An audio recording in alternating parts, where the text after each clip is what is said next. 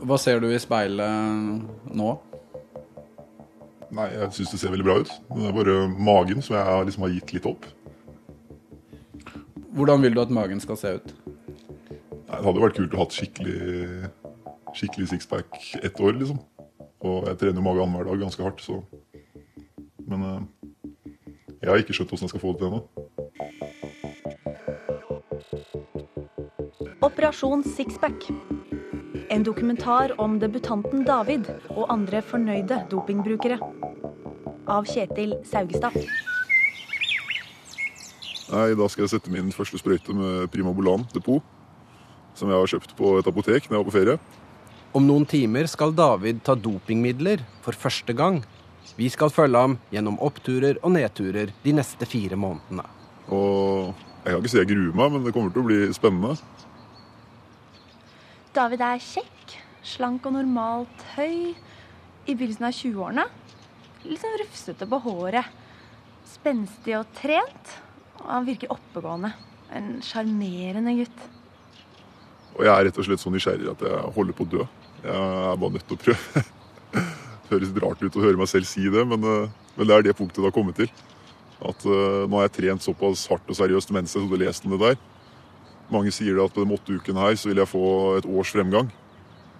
Men det er klart det hadde vært utrolig gøy, det. Er det noen som har prøvd å overtale deg til å ikke gjøre det her? Ja. Alle jeg har spurt om råd, har egentlig gjort det. Um, sagt er du sikker på at du har lyst til å gjøre det her. Og det kan ødelegge karrieren din, det kan ødelegge kroppen din. Alt det der. Men så Men så går det liksom ikke helt inn. Det er april, tidlig på våren. Folk går alt med mindre klær på seg. Alle synes mer for hverandre. Mange menn begynner å føle det kvinnelige blikket. Gutter bør egentlig ha litt muskler. Litt bra overkropp. Og sånn sixpack på magen er veldig stilig, da. Jeg er jo en person som liker å teste nye ting hele tida. Gjerne ting som går fort og er spennende. Eh, raske biler og båter. Men jeg prøver som regel å holde det til former som gjør at det bare er farlig for meg selv. Men er det, er det en terskel for deg? Ja, det er klart det er et stort skritt å gå over til å sette en sprøyte i kroppen sin. Um, for meg så føles det litt som å gå til narkotika. Og jeg har et veldig forsiktig forhold til rusmidler fra før av. Så det er et ganske stort skritt å ta. Dopingkulturen lever særlig på nettet, i egne diskusjonsforum på egne sider. Dopingmidler omsettes i pilleform eller mer vanlig som væske som settes med sprøyte. Gutta utveksler erfaringer om stoffer og ulike treningsopplegg eller kurer som gjerne varer to-tre måneder før man gir kroppen en nødvendig pause. Jeg begynte vel å lese om det for en tre år siden. Og så tenker jeg første kuren jeg kjøpte, er to år siden. Og så rett før jeg skulle ta den, så begynte jeg å søke rundt på nettet og fant et forum og skrev hvor gammel jeg var, hvor trent jeg var, hva jeg hadde kjøpt meg og åssen jeg hadde tenkt å bruke det. Og da fikk jeg bare til svar at du er en idiot, det er virkelig farlig. Kast det og les noen timer på forumet og kjøp deg noe annet isteden.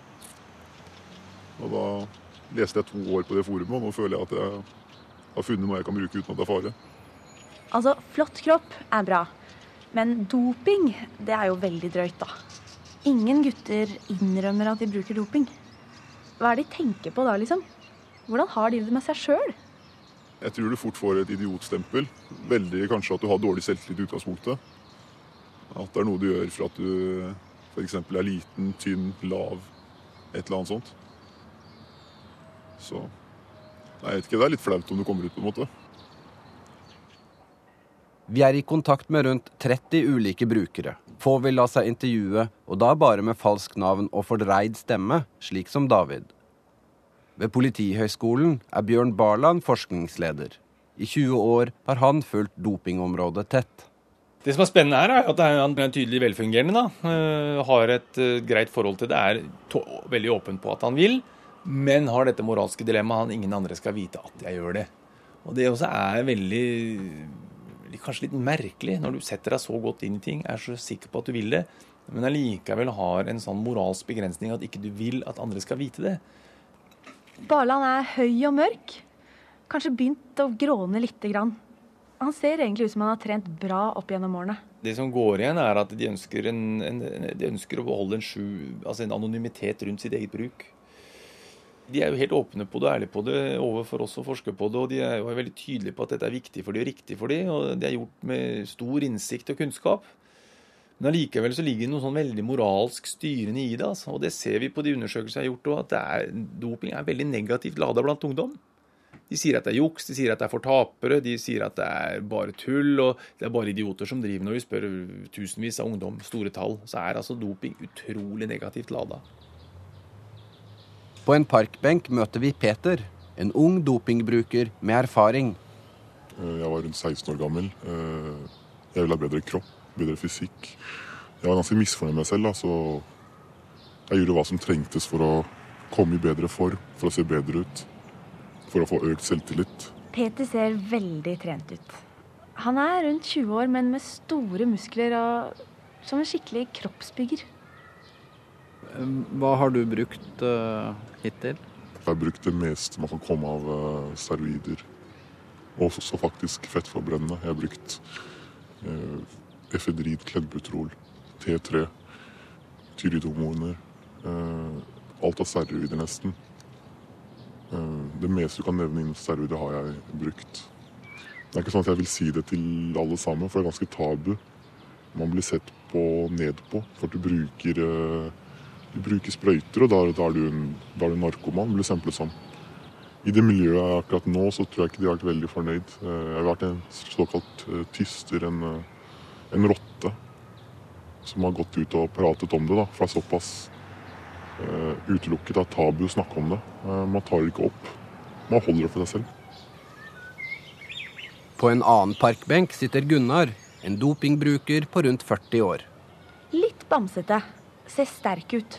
Virker ganske snill eller vanlig, vil jeg si. Sånn sindig type. Det er klart det kan være ganske vanskelig å skjule 100 sprøyter og kanyler. Eh, og det er jo ingen måte å forklare det på når det først blir oppdaga. Så konsekvensene er jo fryktelige.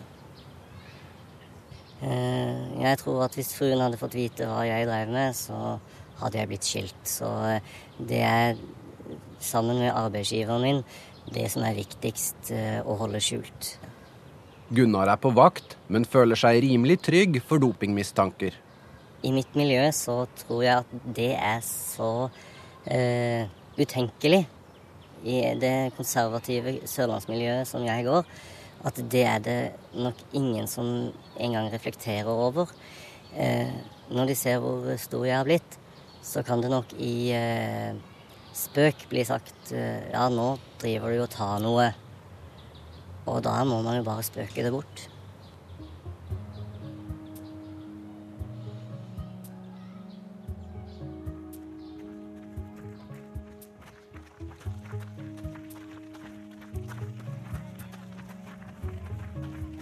Det er blitt mai. En måned er gått for David, debutanten. Han skulle starte veldig pent, men uka etter første sprøyte sendte han SMS om at han hadde doblet dosene. Nei, Det føltes som om jeg hoppa over en grense jeg på en måte aldri har sett for meg at jeg skulle gjøre. Jeg har jo tatt mye sprøyter før, men aldri med noe ulovlig, liksom. Du fikk dårlig samvittighet, eller? Nei, jeg gjorde heller ikke det, egentlig. Men, men jeg merka litt at det var tungt, liksom. Første gangen var nesten treningsøkt bare i seg sjøl å sette sprøyta. T-skjorta til David har blitt litt trangere. Han ser liksom mer trent ut. Virker fornøyd. Men eh, virkningen, hvordan vil du beskrive den?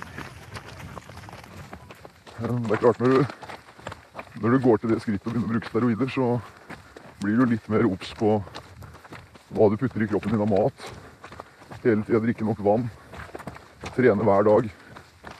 Så det er klart, Hadde jeg bare klart å gjort det, så hadde nok det også gitt en ganske god virkning. Men,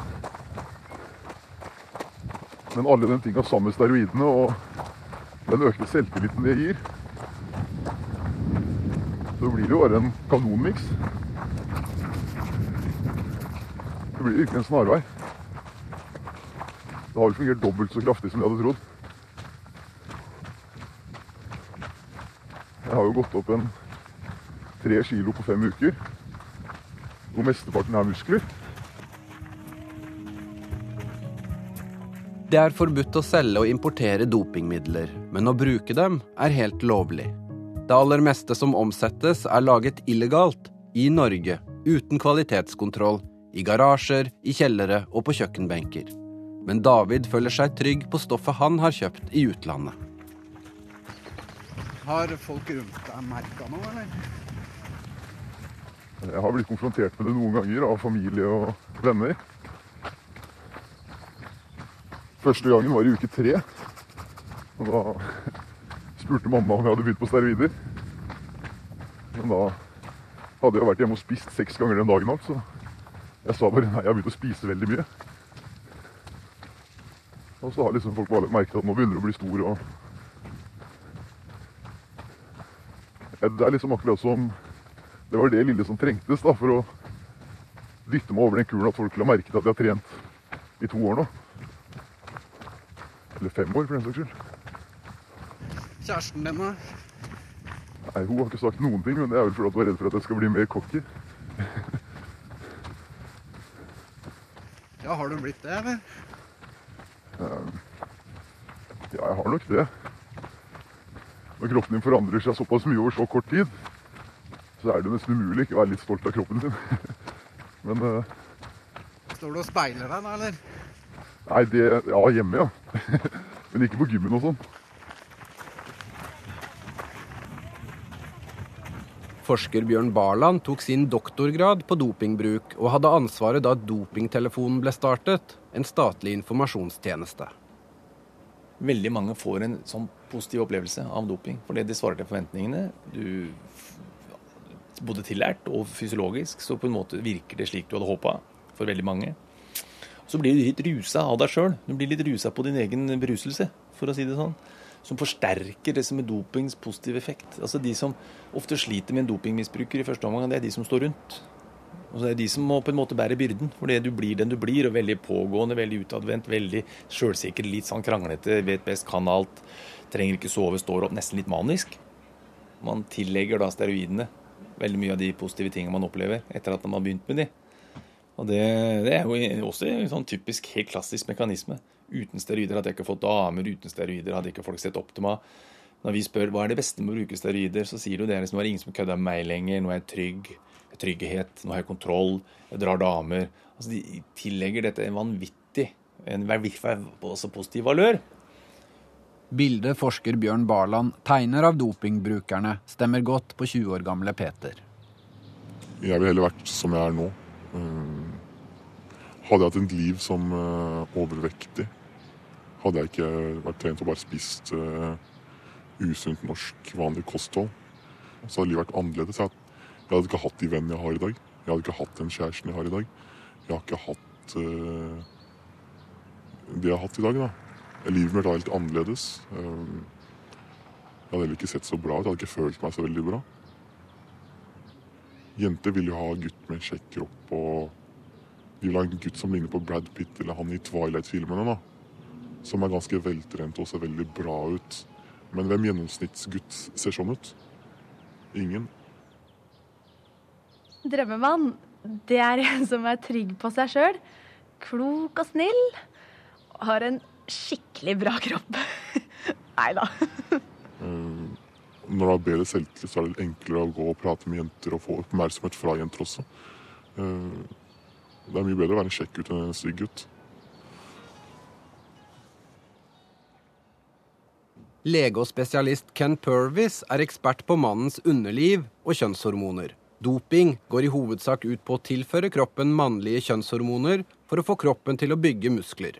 I over 30 år har Purvis møtt dopingbrukere som har fått ulike alvorlige bivirkninger, som angst, depresjon, hjerteproblemer, sterilitet, potensproblemer og mangel på seksuell lyst. Hvis du leser i, i Jenteblad, uh, hva er det en jente blir veldig fascinert med? Det er en sexpakke, en fin overkropp, lite kroppsfett. Litt muskuløs. Det, det, det, er jenter som, som egentlig skaper de, den der And den nye generasjonen i dag er egentlig de gutter som er opptatt med å få en fin sexpack og se, se bra ut på strand. Ken Purvis er rundt 60. Sølvgrå manke. Han går i løse og ledige legeklær. Han har en seriøst bekymra rynke i panna.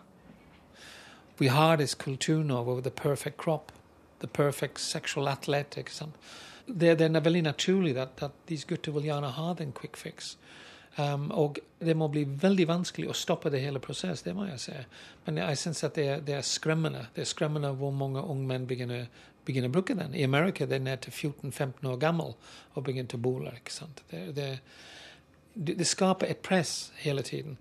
Hvis du går til en treningsstudio og du ser alle dine kamerater der får disse fantastiske sexpack og bra kropp, og du sliter som faen og, og trener og ikke oppnår det samme, det, det, blir veldig naturlig for deg og, vil gjerne ha den type quick fix.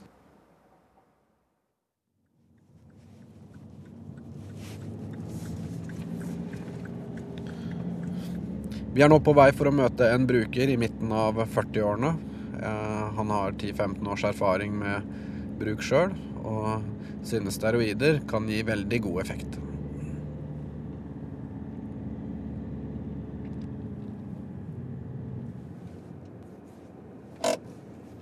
Vi møter en velutdannet mann på en bensinstasjon i et finere villastrøk. Jeg har siden jeg har vært liten alltid vært opptatt av å ha en fin kropp og det visuelle. Eh, det gjelder nesten alt. Eh, Dette er en klassisk kjekkas, slik mamma og venninnene ville sagt det. Flott kropp, solbrun, velstelt hår. På en litt sånn voksen måte. Jeg vil si at eh, det er i veldig mange tilfeller slik kroppsidealet blir framstilt, umulig fysiologisk å oppnå en slik kropp uten bruk av anabole steroider og eller veksthormoner. Eh, jeg syns i hvert fall ikke det er rart at, eh, at, andre også ønsker en slik kropp. Er du påvirka av slike idealer?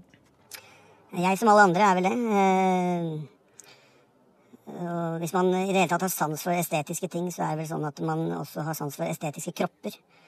Og min erfaring er jo så, er, er i hvert fall det at når du har en fin kropp, så får du også større oppmerksomhet. Eh, ikke, ikke minst av annet kjønn, men også av samme kjønn, som kanskje viser stor misunnelse uten at de direkte sier det. I nesten alle år i mitt liv i hvert fall, så har det vært fokusert veldig på eh, kvinneidealkroppen og hvor vanskelig det er å oppnå den. Men alle som driver med, med dette, eh, vet at, og som kan litt om fysiologi, vet at det er mye vanskeligere å oppnå det som nå blir framstilt som en mannsidealkropp hos mange, enn eh, en det det er å oppnå en, en eh, kvinneidealkropp. Fordi fysiologisk så er det umulig uten dop. En kvinne kan være slank og velforma med litt silikon i, i brystene, og sånn sett øh, få en idealkropp. Men en mann så, hos en mann så holder det ikke bare å være slank. Han skal også være muskuløs, og da betyr det altså, et visst volum på de musklene en maratonløper kan man også si er muskuløs, men han har, har, har ikke noe idealkropp. Han ser eh, ut som et eh, hengslestativ. Altså, det, det, det, er ikke noe idealkropp, selv om han er muskuløs. Men en, en bra trent eh, langrennsløper eller fotballspiller, er det godt nok?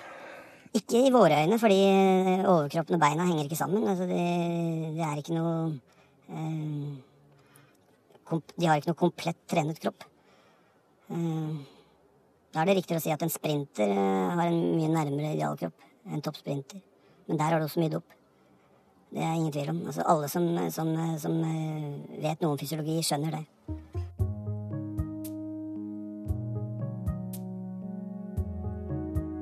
Hvor mange som bruker doping i Norge er vanskelig å måle. Et anslag som ofte brukes er 10 000 personer, men brukerne selv tror det er langt flere.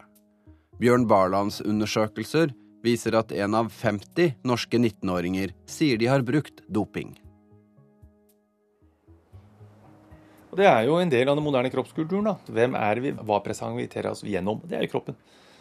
Så dette her voldsomme trøkket rundt kunstige midler for å få den kroppen du vil ha, tatovering, pursing, selvskading osv., som er en del av dette her, kosmetisk kirurgi ikke minst, alt dette peker jo i retning av en slags vår kulturs moderne kroppskultur. Altså vår vestlige, øh, kan du si, mange si dekadense, men det kan jo være en annen, en annen diskusjon. Veldig opptatt av å ha det perfekte. Og veldig mye av det perfekte mennesket presenteres gjennom den perfekte kroppen. Så sånn sett har jo det kommersielle trykket rundt denne kroppskulturen. Den har jo vunnet første runde, i hvert fall. Det er juni. Det har gått en måneds tid siden vi møtte David sist. Jeg pleier å skjære opp smågutter, da. Han er snart gjennom sin første kur med anabole steroider og har ikke hatt negative bivirkninger så langt. Nå må han forsøke å trene hardt videre uten de muskelbyggende steroidene i kroppen. Og så skal han bruke slankedoping for å få fjernet underhudsfett, slik at sixpacken og andre muskler blir mest mulig synlige. Hva det går i matmessig? Det blir mye kylling og mye kjøtt. Eh, Prøver å spise retter hvor det er mest mulig kjøtt. Så eksempel middagen i går var enchiladas. Hvis du ser her. Og da gikk det med halvannen kilo kjøtt på middag til tre gutter. David har på singlet. Armene er blitt tydelig mer definerte nå. Og musklene syns på en eh, ny måte. Ja, nei, Nå som jeg ser litt større ut, så har jeg begynt å bli tilbudt ting hver gang jeg går i en helsekostforretning. Så har jeg begynt å bli tilbudt steroider i harundisken og sånn. Og alle sammen har jo de beste steroidene i landet og beste prisene. og Så er det bare raringer. Veldig ofte. Er du overraska over at de helsekostbutikkene tilbyr det? Ja, det er jo ikke helsekost, det er jo treningsbutikker som selger proteiner og sånn. Nei, jeg er ikke overraska, for hvis du, du kan veldig lett se på en person om han bruker det eller ikke, og så føler jeg nå, da. Skal kanskje ikke ta alle, under én kam, men Så de ser på deg at du bruker? nei, jeg vet ikke, de ser i hvert fall at jeg er veldig seriøs på trening nå. Hva kaller du dette? Frokost. Kylling med nudler. Sånn. Bolefrokost? Ja. Nei, treningsfrokost.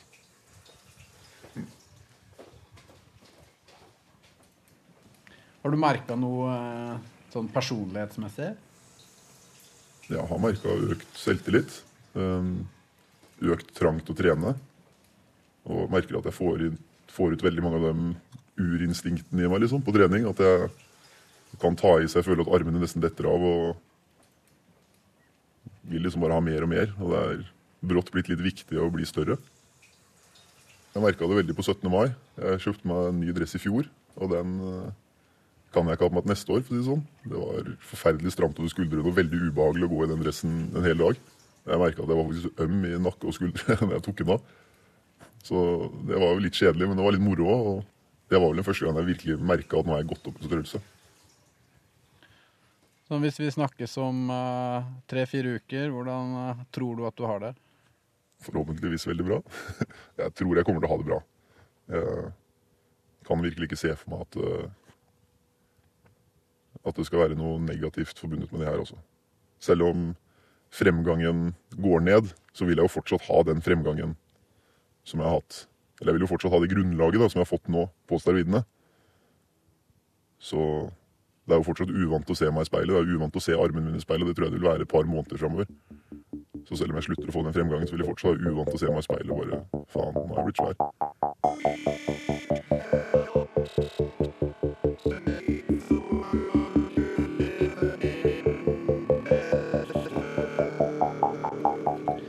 Tror du det er et eh, større kroppspress på unge gutter enn eh, noensinne? Ja, det tror jeg nok.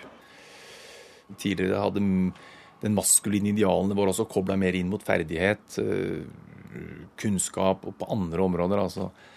Mens du ser nå er det jo Det er jo kroppen det handler om. altså. altså ser du Tarzan-figuren, utviklingen de siste 30 åra, så ser du jo Den siste som spilte Tarzan, var jo en kroppsbygger, f.eks. Naturmenneske, prøver vi å tro. Eh, se på leker. Altså de siste 30 åra. Hvordan eh, veldig typiske leker for gutter har blitt ekstremt fokusert på det kroppslige. Den nesten kroppsbyggerkroppen i alle former. Det er i derfor reklame og uttrykk og det her, disse her eh, komplette meningsløse seriene om Paradise Hotel og hva det nå heter, disse her inn- og utstemningsprogrammene. Som, det er jo en, det er en stor gigantisk kroppslighet i det hele. altså. Den amerikanske forskeren Harrison Pope har dokumentert kroppsidealer i endring for gutter helt ned i barnehagealderen. Har du sett de som er i bildet i boka hans? Han har jo et stykke om dette her. Um, han har gjort en body mass index av alle dokker og leker som blir um, solgt i USA. Det er Pope, da. Og ser jo klart at hver eneste av disse Action Man og og disse her eh, som nå er veldig populære blant, eh, blant barn. Altså Det vil jo ikke være mulig å på en måte oppnå dette her uten bruk av steroider. Og det blir jo da Her ser vi det. ser vi det? Her ser du utviklinga av Star Wars-figurene. Fra å være personer som sannsynligvis hadde et visst intellektuelt eh, eh, forrang, hva vet jeg, til å bli reine kroppsbyggere. Du ser det samme her sånn. Evolution. Her har du Actionman. Supermann. Altså alle disse fantasifigurene her, de er jo reine kroppsbyggere. Sånn i den kroppslige utformingen. Dette er altså da de mest populære lekene som selges til gutter. Forfengelighet har ingen aldersgrense. En større undersøkelse fra USA konkluderte i 2007 med at den gjennomsnittlige dopingbrukeren er en 31 år gammel, hvit og velutdannet mann. I Oslo sitter Gunnar på 40 fremdeles på parkbenken. For om lag et år siden angrep han midtlivskrisa med steroider. Jeg endte opp med en eh, kontorjobb, da. Eh, med lite aktivitet og eh, stor overvekt. Nesten 120 kg i overvekt og generelt voldsomt dårlig kondisjon. Han har på seg veldig vanlige voksenklær. Sånn typisk vindjakke. Gunnar har sikkert en veldig ordentlig jobb. Sveisen er kortklipt og seriøs, liksom. Jeg følte jo at uh, kroppen min forfalt og uh, jeg ble gammel før tida. Og uh, det, var, det, var, nødvendig for meg, for meg å få beholde selvrespekten og selvbildet og, og, få gjort noe drastisk raskt. Og det, da visste jeg at steroider i forskjellige doser ville kunne hjelpe meg å nå det målet med en større, sterkere og slankere kropp mye raskere. Og begynte forsiktig med en kur med steroider som blir eh, ansett som eh, ganske milde og ufarlige. Og eh, fortsatte videre med nye kurer med mer aggressive og kraftige stoffer. Det er en økende uh, interesse i det. Uh, jeg har hatt menn som eksempel, som turte ikke å gå til fastlegen. Det er rundt 40-50 år. De har blitt fascinert med bowlingmuligheten. De har gått til lokal trening gym og fått uh, begynt å bole seg. Så uh, la oss si 30-40 år tilbake, du aksepterte din alder i disse overgang mellom, mellom far og bestefar. Det, det var en aksept at you know, kroppen vil falle sammen.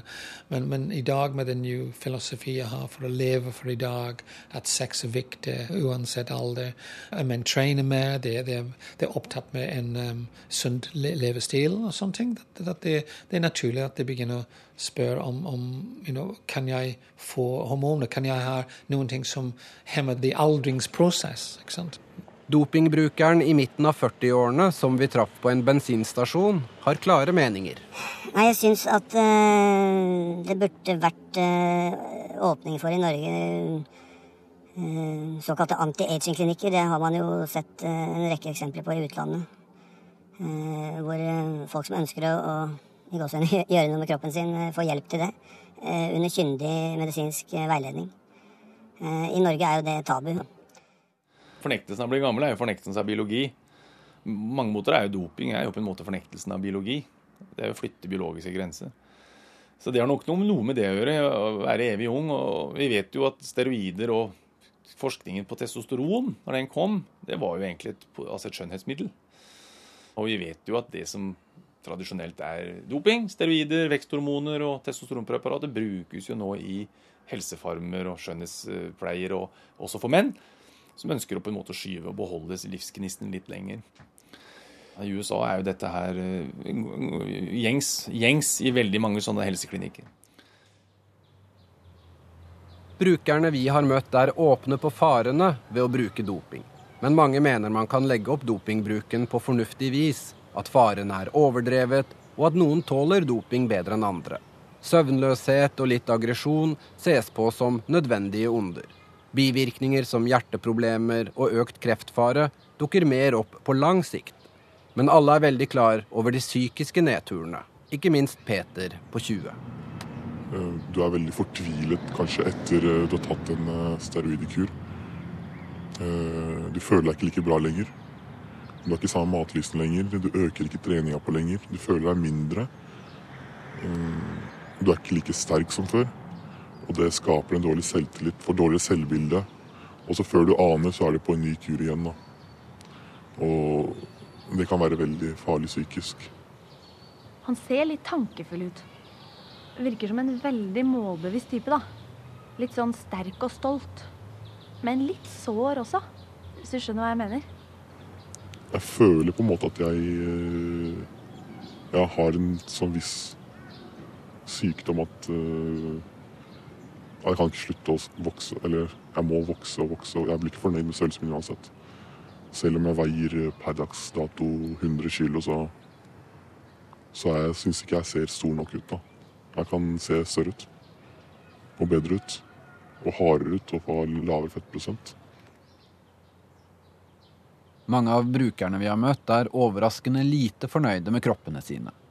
Det er en kjent bivirkning av steroidebruk at man kan få varierende grad av megareksi, en omvendt anoreksi, at man føler seg liten selv om man er stor. Jeg kommer aldri til å bli fornøyd. Jeg kommer aldri til å bli fornøyd. Selv om folk sier at jeg ser for stor ut eller for bra ut, eller eh, at jeg ser helt perfekt ut. Men eh, det holder ikke for meg. Dems mening betyr ikke noe for meg. Det er blitt juli, og vi er tilbake hos David. Han jobber fortsatt med sin sixpack.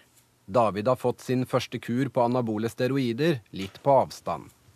Se hva som er eh, vanlig norsk studenthybel i dag.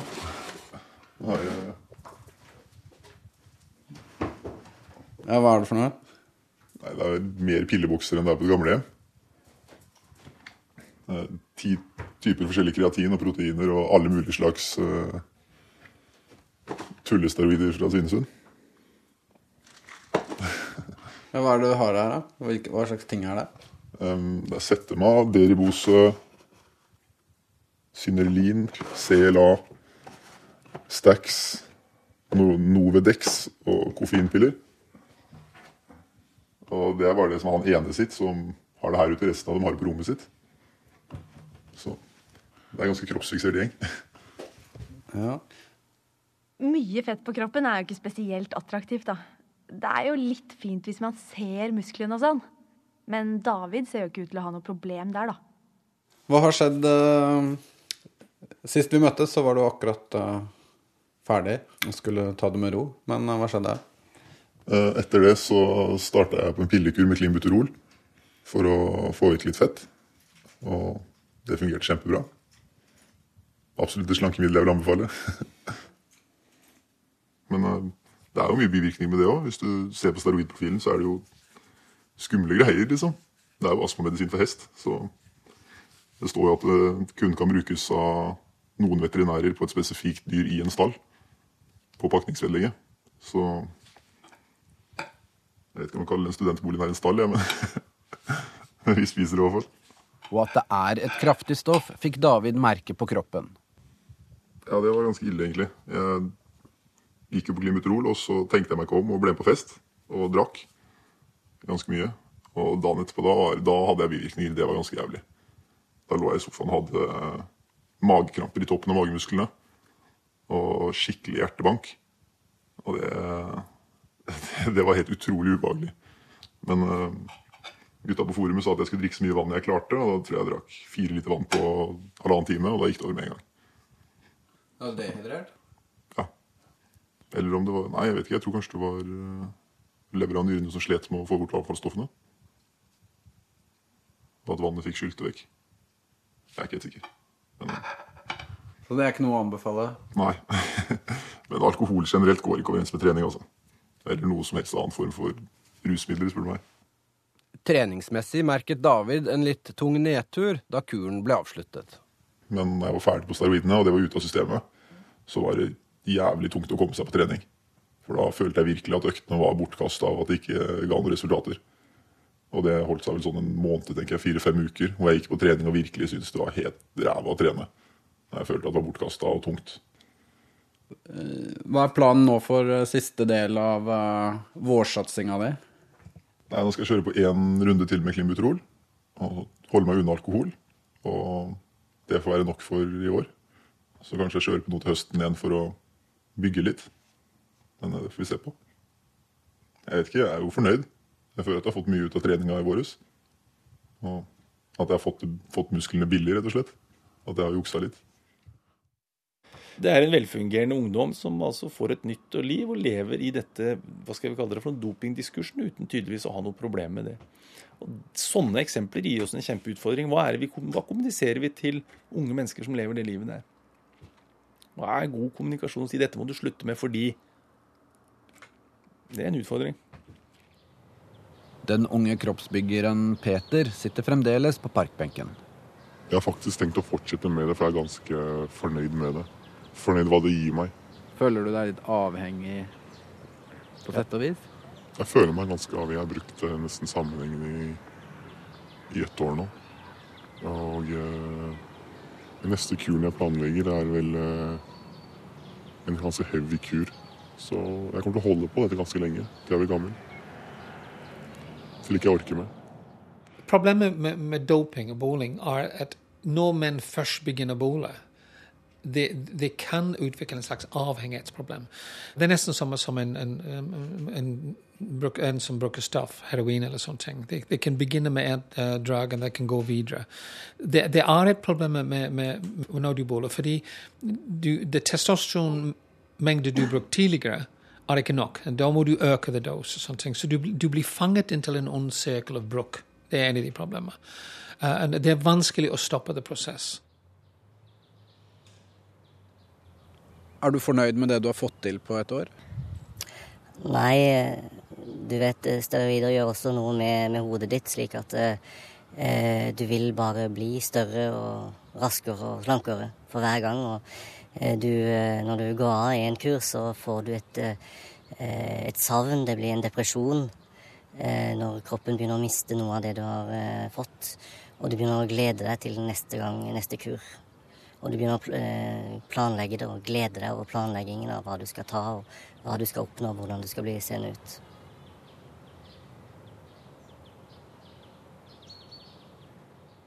Jeg vil bare si generelt at uh, så lenge det blir brukt uh, skuespillere og modeller uh, som helt åpenbart bruker doping, så kan, man, så kan samfunnet bare, bli, bare, glemme å bli kvitt den situasjonen at andre også ønsker å, å, å bruke det for å også få en fin kropp.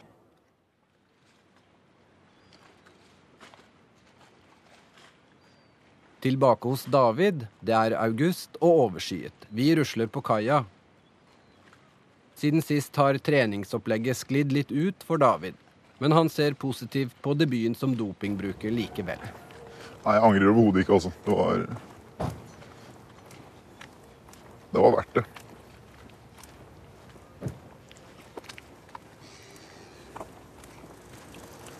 Fordi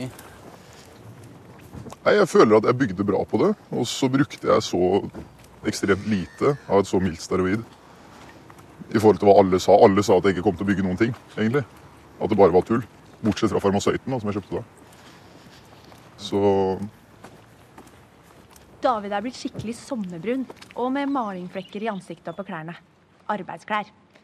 Kanskje han kunne vært litt sånn working class hero-type i bar overkropp? Sånn som i Coca-Cola Lightbreak-reklamene, hvis du husker dem. Prosjektet med å få sixpack, hvordan vil du oppsummere det? Jeg kom nærmere enn jeg har kommet før. Jeg har aldri vært så close før. Men uh, så datt jeg lasset, og det ble for mye jobb og for lite trening. Tror du at du når det en gang, eller? Ja, nei, nå blir det å prøve neste år. så blir det vel bare Nei, jeg begynner å trene nå, så blir det å trene for å bli litt stor. Og så blir det å kjøre på en kur igjen nå i høst. Så det skal bli deilig å begynne å trene og spise kyllingen min igjen. Hvordan har det gått med de andre gutta i kollektivet og de du kjenner? Ja, de har egentlig kjørt på hardt gjennom hele sommeren, for de har jo hatt ferie og masse tid til overs. Så de har jo spist taco med ene hånda og kyllingfilet med andre og løpt på gymmen hver dag. Er det noen av de som har en veldig bra sexpack, eller? Nei, det er egentlig ikke det heller. For de har liksom ikke De har liksom funnet ut da etter et år med steroider og hard trening at de har egentlig ikke De har liksom ikke genene, på en måte. Det ser bare ikke riktig ut, rett og slett. Det er klart de har jo bra sixpacker, men det er ikke sånn uh, modell-sixpack. Ingen av dem kunne fått seg jobb som undertøysmodell, liksom. For et stort klesmerke. Men har du, har du egentlig sett en, uh, en gutt eller mann i, i, sommer på stranda med en sixpack som du har uh, syntes har vært skikkelig bra? Nei, jeg har egentlig ikke, jeg har egentlig ikke det. Nei, Gutta på Paradise Hotel hadde bra sixpack, da. Fall et par av dem. Fins de modell-sixpackene rundt omkring uh, i, i, det virkelige livet? Nei, de gjør ikke det, altså. De gjør ikke det. Jeg har egentlig ikke møtt noen med bra sixpack i sommer. Kanskje målet mitt er litt urealistisk. Så det er, det er, liksom ingenting som nytter, da? Det er bare å gi opp? det er bare å hive inn håndkleet med en gang.